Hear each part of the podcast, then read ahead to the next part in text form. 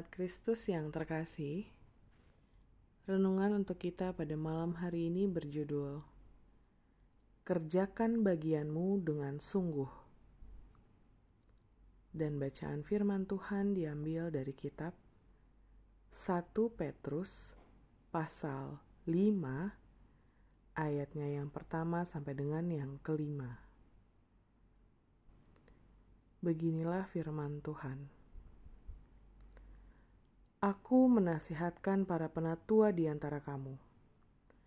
Aku sebagai teman penatua dan saksi penderitaan Kristus yang juga akan mendapat bagian dalam kemuliaan yang akan dinyatakan kelak. Gembalakanlah kawanan domba Allah yang ada padamu, jangan dengan paksa, tetapi dengan sukarela sesuai dengan kehendak Allah dan jangan karena mau mencari keuntungan, tetapi dengan pengabdian diri. Janganlah kamu berbuat seolah-olah kamu mau memerintah atas mereka yang dipercayakan kepadamu, tetapi hendaklah kamu menjadi teladan bagi kawanan domba itu. Maka kamu, apabila Gembala Agung datang, kamu akan menerima mahkota kemuliaan yang tidak dapat layu. Demikian jugalah kamu, hai orang-orang muda, tunduklah kepada orang-orang yang tua.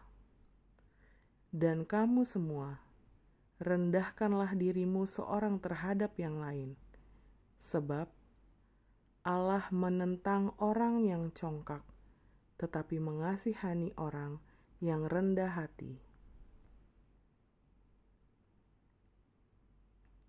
Ada berbagai motivasi yang dimiliki seseorang ketika ia masuk dalam dunia pelayanan, mulai dengan pelayanan sebagai wujud syukur, mengaktualisasi diri, memberikan talenta yang dimiliki untuk persembahan, bahkan sampai kepada motivasi yang tidak sehat, yaitu mencari nama agar dikenal orang atau demi mendapatkan keuntungan duniawi dari pelayanan yang dikerjakan.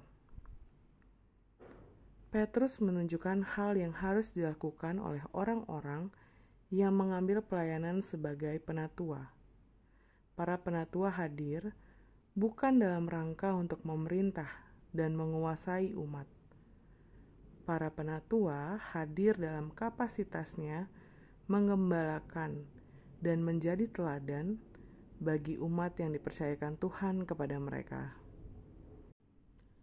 Tak berhenti di situ saja, Petrus juga mengingatkan para pemuda yang ada dalam persekutuan juga diminta untuk menghormati orang tua. Hal ini bukan berarti orang muda tak boleh mengkritik, namun dalam segala waktu, orang-orang muda tetap memberikan penghormatan kepada orang-orang yang lebih tua, sebagai wujud menghargai dan menghormati.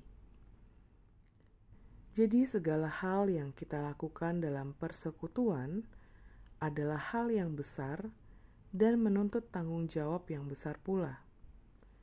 Jangan mengejar pelayanan, tak hanya menjadi penatua, hanya demi penghormatan belaka tapi tunaikanlah tugas dengan maksimal, sebab umat yang kita layani adalah milik Tuhan, bukan milik kita pribadi.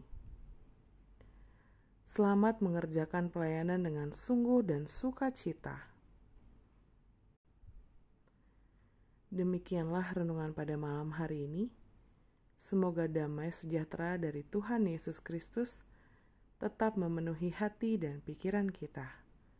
Amin. Jemaat yang terkasih, mari kita bersatu hati menaikkan pokok-pokok doa yang ada dalam gerakan doa 21 GKI Sarua Indah.